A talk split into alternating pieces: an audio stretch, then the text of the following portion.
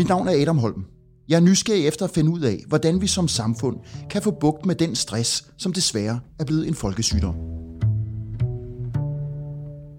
Velkommen til første afsnit af podcast-serien Danmark har stress, som er produceret for Dansk Psykologforening. Hver tiende dansker føler sig dagligt stresset. 25 procent af danskerne vurderer, at de i løbet af de seneste fire uger har haft et højt stressniveau. Selv vores børn er ramt. Hver femte barn føler sig stresset. Der er noget galt. I fem afsnit vil jeg tale med fem forskellige eksperter, der hver især ved meget om stress. Jeg vil spørge dem, hvordan stress rammer samfundet. Og jeg er særlig nysgerrig efter at finde ud af, om de har nogle bud på, hvordan vi kommer den fordømte stress til livs. Jeg starter med børnene og de unge, som jo slet ikke burde have stress. Men det har de desværre. Ida Kok er psykolog og har været medforfatter til flere bøger om stress blandt børn og unge. Hun er en af landets førende eksperter, når det kommer til stress blandt de yngre årgange. Goddag og velkommen Ida Kok. Tak skal du have, Adam. Vi skal tale om stress i ungegruppen 15-25 år plus minus. Ja. Vi skal selvfølgelig først lige have sat på ord på, hvem du er. Hvis man har min høje alder, og jeg blev for nylig 51 år, så vil man kende i hvert fald din stemme fra virkelig mange år, hvor du var fast stand ind på programmet Tværs, som gik i øh, P4 på P1. Ja, Tine Bryls program. Tine Bryls program, ja. hvor du var øh, altså sidekick og sad ind for hende, når hun ikke kunne. Så derfra kender jeg din stemme og har lyttet til mange gode råd fra din side. Men, men hvem er du derudover? Det kan være, du lige skulle sætte ord på dig Jamen, selv. jeg er jo altså psykolog og har arbejdet siden faktisk 82, så jeg er en gammel madame. Siden 82 med store børn og unge, øh, rigtig mange udsatte unge, men også gymnasieelever, og det har jeg faktisk gjort til lige indtil for et år siden. Okay, så du kommer frisk fra fad, kan man sige. Ja, altså jeg har været, man kan sige, jeg har været igennem en del generationer af unge mennesker i den målgruppe, du taler om. Ja, Ja. Og så har jeg undervist på universitetet i over 20 år. Og det er godt, du nævner, at du har været igennem flere generationer, for vi kommer også til at skulle anlægge et lidt historisk perspektiv på det her. Ja. Så lad mig bare starte. Når man sidder som, som jeg gør, altså virkelig lægemand, men i øvrigt far til to teenage-sønner, og læser om stress i den her aldersgruppe, mm. så må jeg sige, så gnider jeg mig i øjnene og tænker, kan det virkelig være rigtigt? Altså nu er der forskellige definitioner af stress, det ved vi alle sammen, og tallene kan også blive opgjort forskellige, men det er virkelig høje tal, og jeg tænker, ungdommen, hvis man skulle se det idealistisk, det er jo der, hvor man skal være glad, nysgerrig, udadvendt, søgende, opmærksom på, hvad der foregår omkring en, afprøvende, og nu læser vi så om folk, der har ondt i maven, hovedpine udviser fysiologiske Ja. øh, tegn, og selvfølgelig også alle de psykiske. Så jeg skal lige starte med at spørge dig, Ida, er det så slemt, som man kan læse sig til? Ja, det er det, og det er det desværre. Og det er jo, altså i, i, i gamle dage, dengang jeg var ja, begyndt rigtig at blive voksen, der, der talte man om sådan de 40-årige karriere mens stress. Og nu er det blevet en almands eje, kan man sige, og det er faktisk gået helt ned til sådan 13, 14, 15-årige, at vi kan se, at børn i folke, folkeskolens seneste klasser, at de øh, har svært øh, at rapportere selv, at de har svært ved at nå det, de skal. De føler sig stressede, de har ondt i maven, de har hovedpine, de har søvnproblemer, øh, og så videre, så videre. Nogle af de der fuldstændig velkendte stresssymptomer. Og, øh, og, og det er jo vældig tankevækkende, og det vi ved, det er, at det stiger med alderen. Altså børn, store børn bliver til unge, de bliver mere stressede, de bliver til store unge, øh, og kommer på videregående uddannelser, og bliver endnu mere øh, belastet. Stress er jo en belastningstilstand, og belastningerne kan bestå af alt muligt selvfølgelig, hvis du kigger ned i det enkelte menneskes livshistorie. Så kan det være både skolearbejde, og det kan være kæresteproblemer, og det kan være dysfunktionel familie, man kommer fra. Det kan komme fra alle mulige øh, arenaer, kan man sige, og blive til en kedelig cocktail, der belaster. Men, men der er så nogle overordnede faktorer, som faktisk rammer ned i alle øh, børn og unges liv. Og det er vel også det, vi skal tale om. Hvad mm. er det i, i børn og unges livsvilkår, i de strukturer, de lever i, som, som udgør, altså udgør nogle stress, stressorer eller belastningsfaktorer, som, som det slår ud i symptomer. Ikke? Men fuldstændig, og det er jo hovedet på sømmet i forhold til den her snak, fordi og det, jeg tror, det er derfor, jeg indledningsvis siger, jeg er jo selvfølgelig lægmand, jeg er ikke psykolog, jeg er bare en, der iagtager og, og opdrager og er en del af samfundet. Og når jeg kigger på for eksempel mine egne to sønner, som er henholdsvis 14 og 16, ser på deres venner, og laver sådan en meget hurtig sammenligning med min egen opvækst i begyndelsen af 80'erne, så tænker jeg i den her måske lidt grove en-til-en sammenligning, de har det da meget bedre i dag materielt. De har et opbud af muligheder, som vi ikke havde i fattige 80'erne. Fuldstændig korrekt. Altså d- mulighederne, øh, altså de ting, de kan vælge imellem, og det gælder alt lige fra caféliv, øh, uddannelsessammensætning osv. osv. Øh, vennekredse, musikvalg, alt, alt muligt. Det, altså hele den, det mulighedslandskab er blevet meget, meget videre. Ja, nemlig. Og, og det er jo på en måde en gave. Men det betyder også, at man skal have nogle navigationskvalifikationer, ikke? Øh, som handler om, at man skal kunne orientere sig i alle de der valgmuligheder, og have en ret sikker fornemmelse af, hvem er jeg, og hvad er det, jeg vil. Og det kan altså godt være vanskeligt at finde vej i det her, når der er så mange muligheder, og der er så mange fristelser. Øh, men men, men øh, jeg vil godt vende lidt tilbage til det der med, øh, at de hele tiden skal, de skal videre, og de bliver stressede og så videre. Altså, oppefra, fra systemerne, lærer man børn helt ned i anden klasse, at det er meget, meget vigtigt, hvordan du præsterer. Det er mere vigtigt, hvordan du præsterer. Er det karakterer, du tænker på her? Nej, jeg tænker på de nationale tests, mm-hmm. som kører fra 2. til 8. klasse, så kommer PISA-testen i 9. klasse, og så videre, så videre. Så på et meget tidligt tidspunkt i børns skoleliv, bliver det, får de oplevelsen af, at det er meget vigtigt, hvordan de performer. Og de skal meget gerne optimere sig selv fra det ene, den ene måling til den anden. Det gør noget ved børnene. Det gør noget ved hele deres indstilling til læring, dannelse, skolearbejde osv., at de får værdi efter, hvad de præsterer. Og det bliver jo til senere hen i gymnasiet for eksempel, og, og når vi taler gymnasiet, så er det jo de mange, altså mm. 70 procent af, af en generation går jo i gymnasiet i dag. Øh, der bliver det karakteren af et mål på min værdi. Og det, er, det, det synes jeg er, altså, det, det er faktisk meget alvorligt, øh, at, at de bliver så målrettede, så, så øh, talfixerede, at de tror og får en fornemmelse af, at det er et relevant mål for deres værdi som menneske. Og det har jeg simpelthen hørt udtalt. Øh, af børnene selv? At, at de unge selv på gymnasierne. Mm-hmm. Hvis ikke jeg får 10 eller mindst 12, eller øh, mindst 10 eller 12, så er jeg ikke noget værd. Og det, altså, jeg lyver ikke. Det er de ord, der kommer ud af nogle af de unge menneskers munde. Jamen, jeg tror bestemt heller ikke, at du lyver. Du har empiri.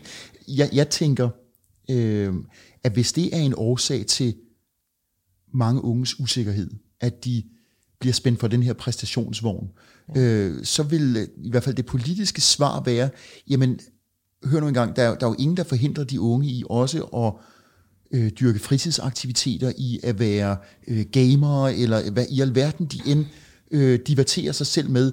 Det at kunne præstere, det er jo vigtigt for, han har sagt, øh, nationaløkonomien, hvis vi virkelig hæver os. Vi skal mm. kunne konkurrere mm. med, med nogle af de andre vækstnationer. Så, så vi skal lære børnene at være disciplineret, men samtidig så har de lov til at lege.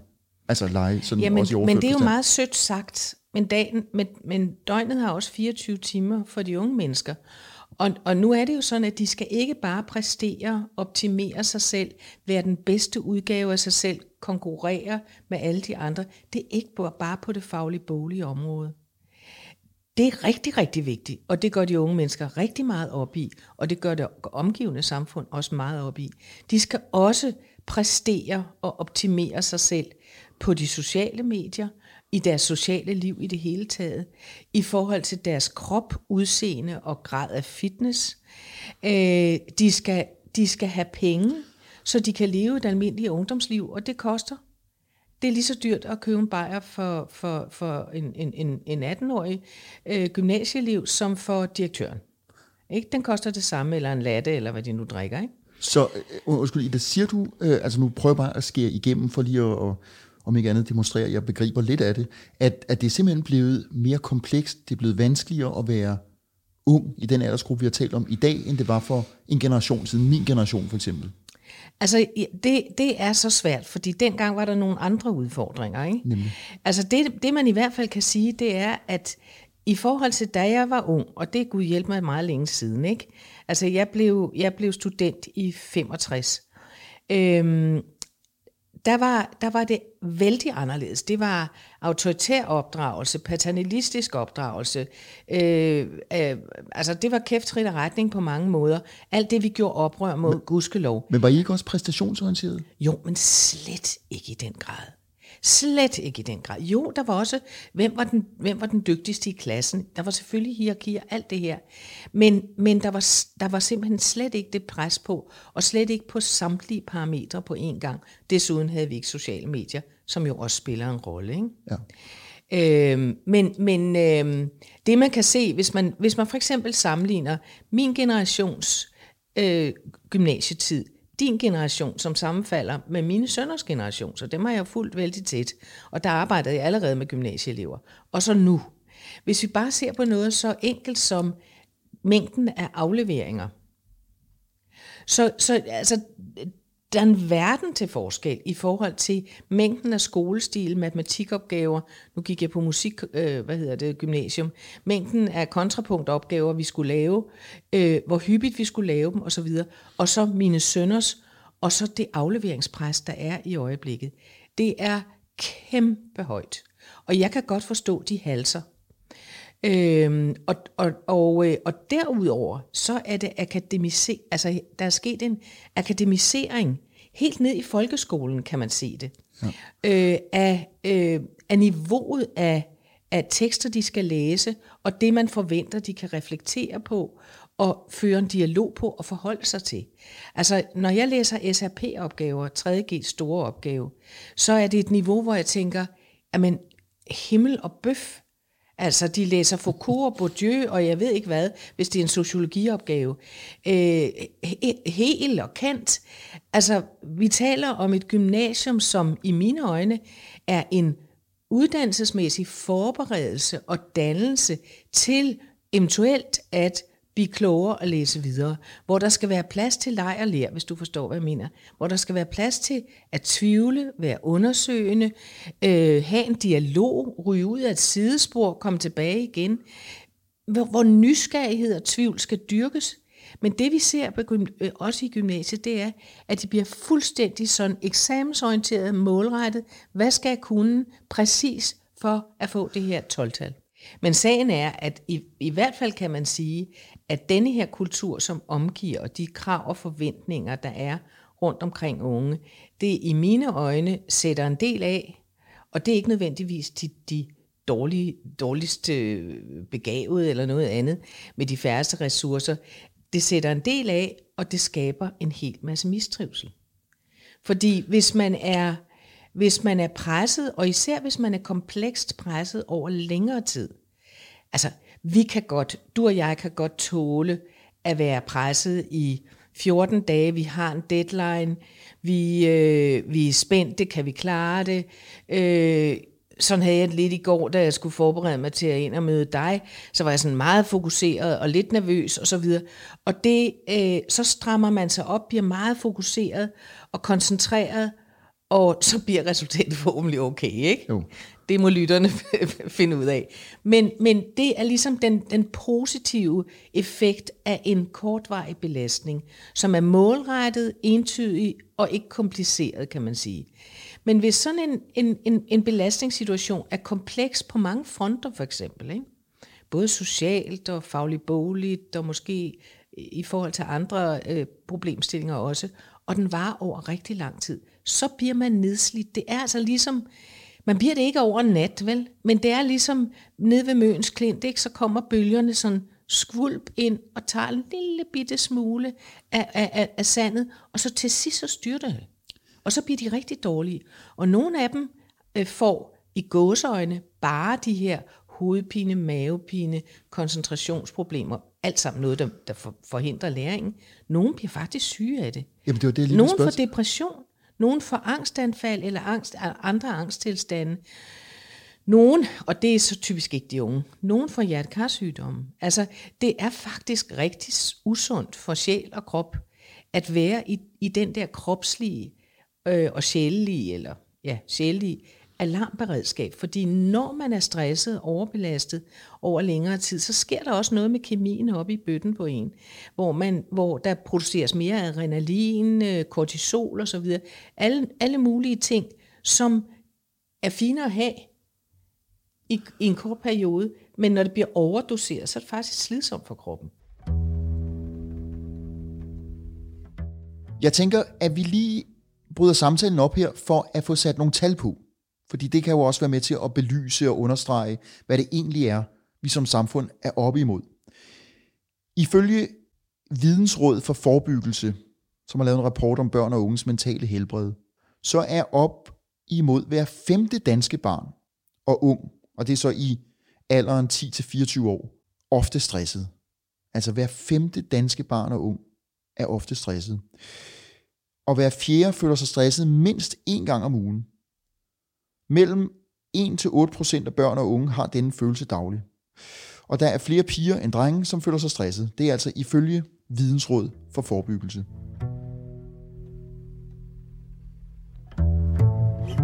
Ida, bare lige for, og det behøver ikke være en statistisk opregning, men du sagde, du har arbejdet med børn og unge fra, fra 82, mm-hmm. øh, mere fokuseret. Ja.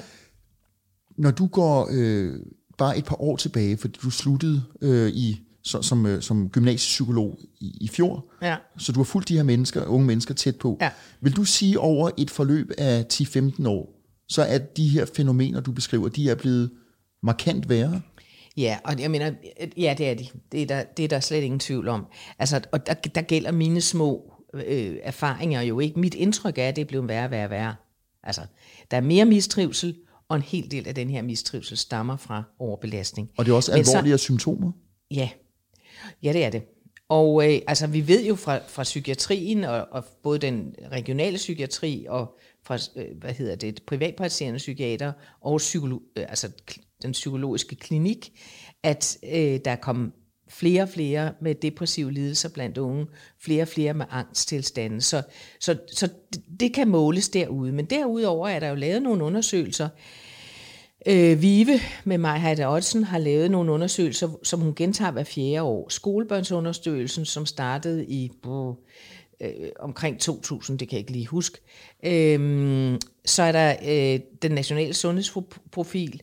Altså der er, og så er der selvfølgelig først og fremmest, eller ikke mindst, øh, øh Center for Ungdomsforsknings meget, meget vigtige undersøgelser, som både er kvalitative og kvantitative, som kigger på, hvordan har unge mennesker det.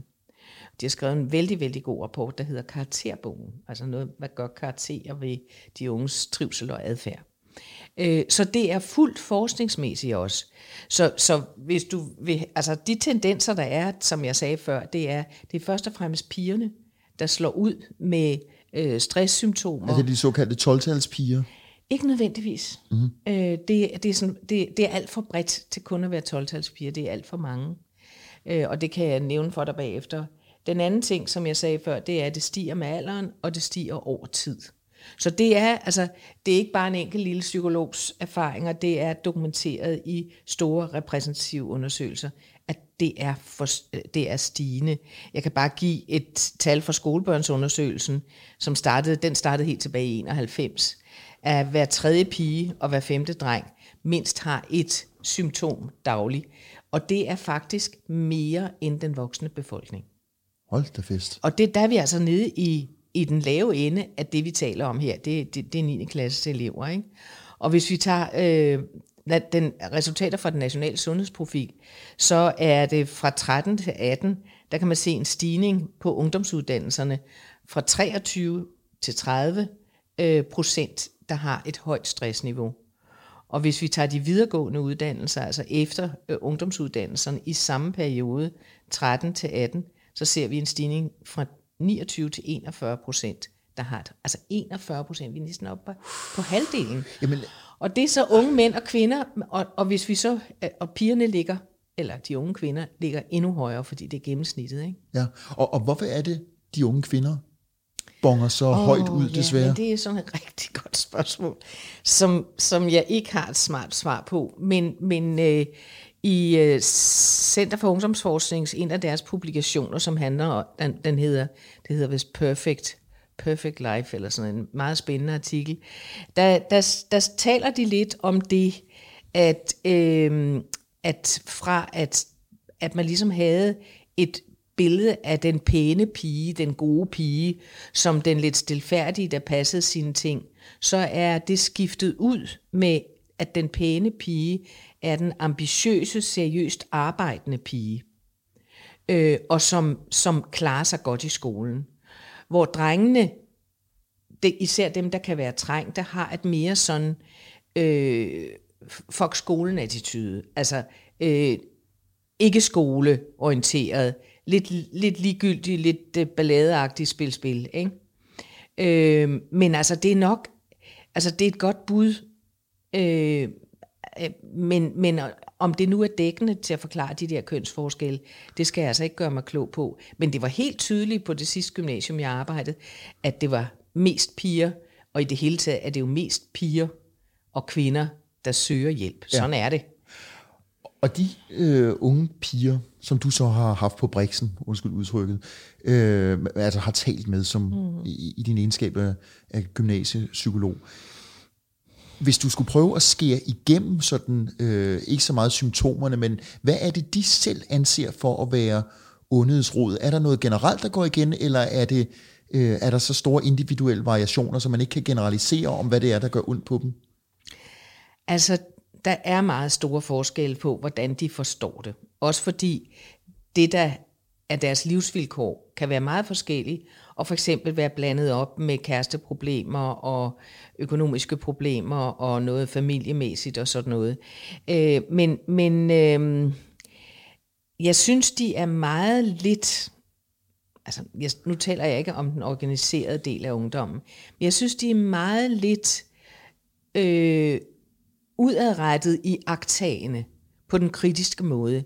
Altså at de, de ser det ikke som, de her krav, det er godt nok urimeligt.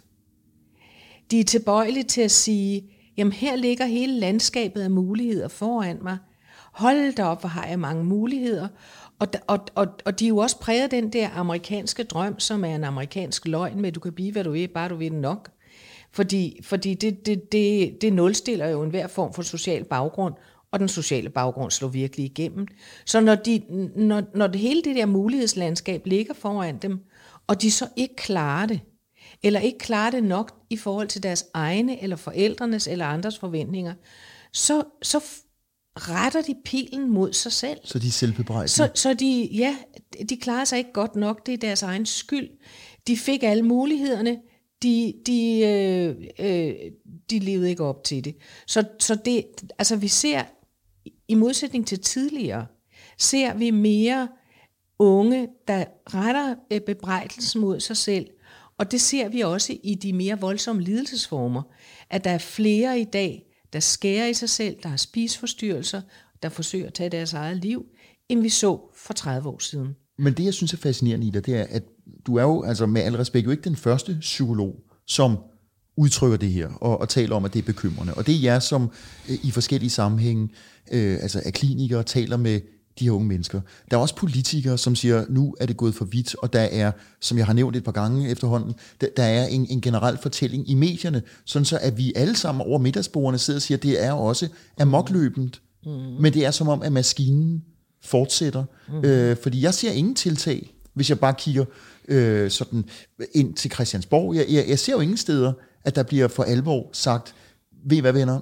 nu skal vi sadle en lille smule om, fordi mm. det at lære behøver ikke bare være spændt for konkrete mål, mm. det er også en tilegnelse af viden. Mm. Du sagde før, det med at være nysgerrig og holde sig åben. Yeah.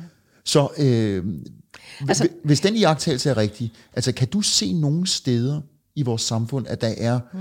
øh, en, en lydhørhed for at ændre på det? Altså, det, der er jo rigtig mange, der er opmærksom på det her, ikke? Øh, og der er nogle gymnasier, der arbejder med, øh, altså, hvor, hvor man ikke bare bliver målt og vejet i et tal, men hvor man, man får man indgår i en dialog med lærerne omkring sine præstationer. Hvad er rigtig godt, og hvad, hvad kunne du gøre bedre, og hvad kunne du tænke dig, da, da, da, da.